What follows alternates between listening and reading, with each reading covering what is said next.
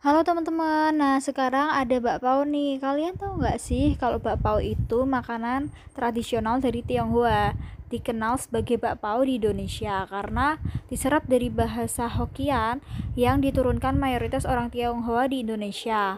Pao itu memiliki arti sebagai bungkusan dan bak memiliki arti sebagai daging. Jadi bakpao berarti bungkusan berisi daging. Bakpao dalam bahasa Hakka memiliki arti yang sama yaitu daging berbungkus.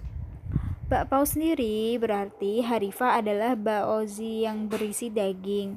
Pada awalnya, daging yang paling lazim digunakan adalah daging babi, akan tetapi baozi sendiri dapat diisi dengan bahan lainnya seperti daging ayam, sayur-sayuran, selai, uh, kacang, atau coklat, atau keju, teman-teman. Tergantung selera masing-masing. Nah, kulit bakpao sendiri itu dibuat dari adonan tepung terigu diberi ragi untuk mengembangkan adonan.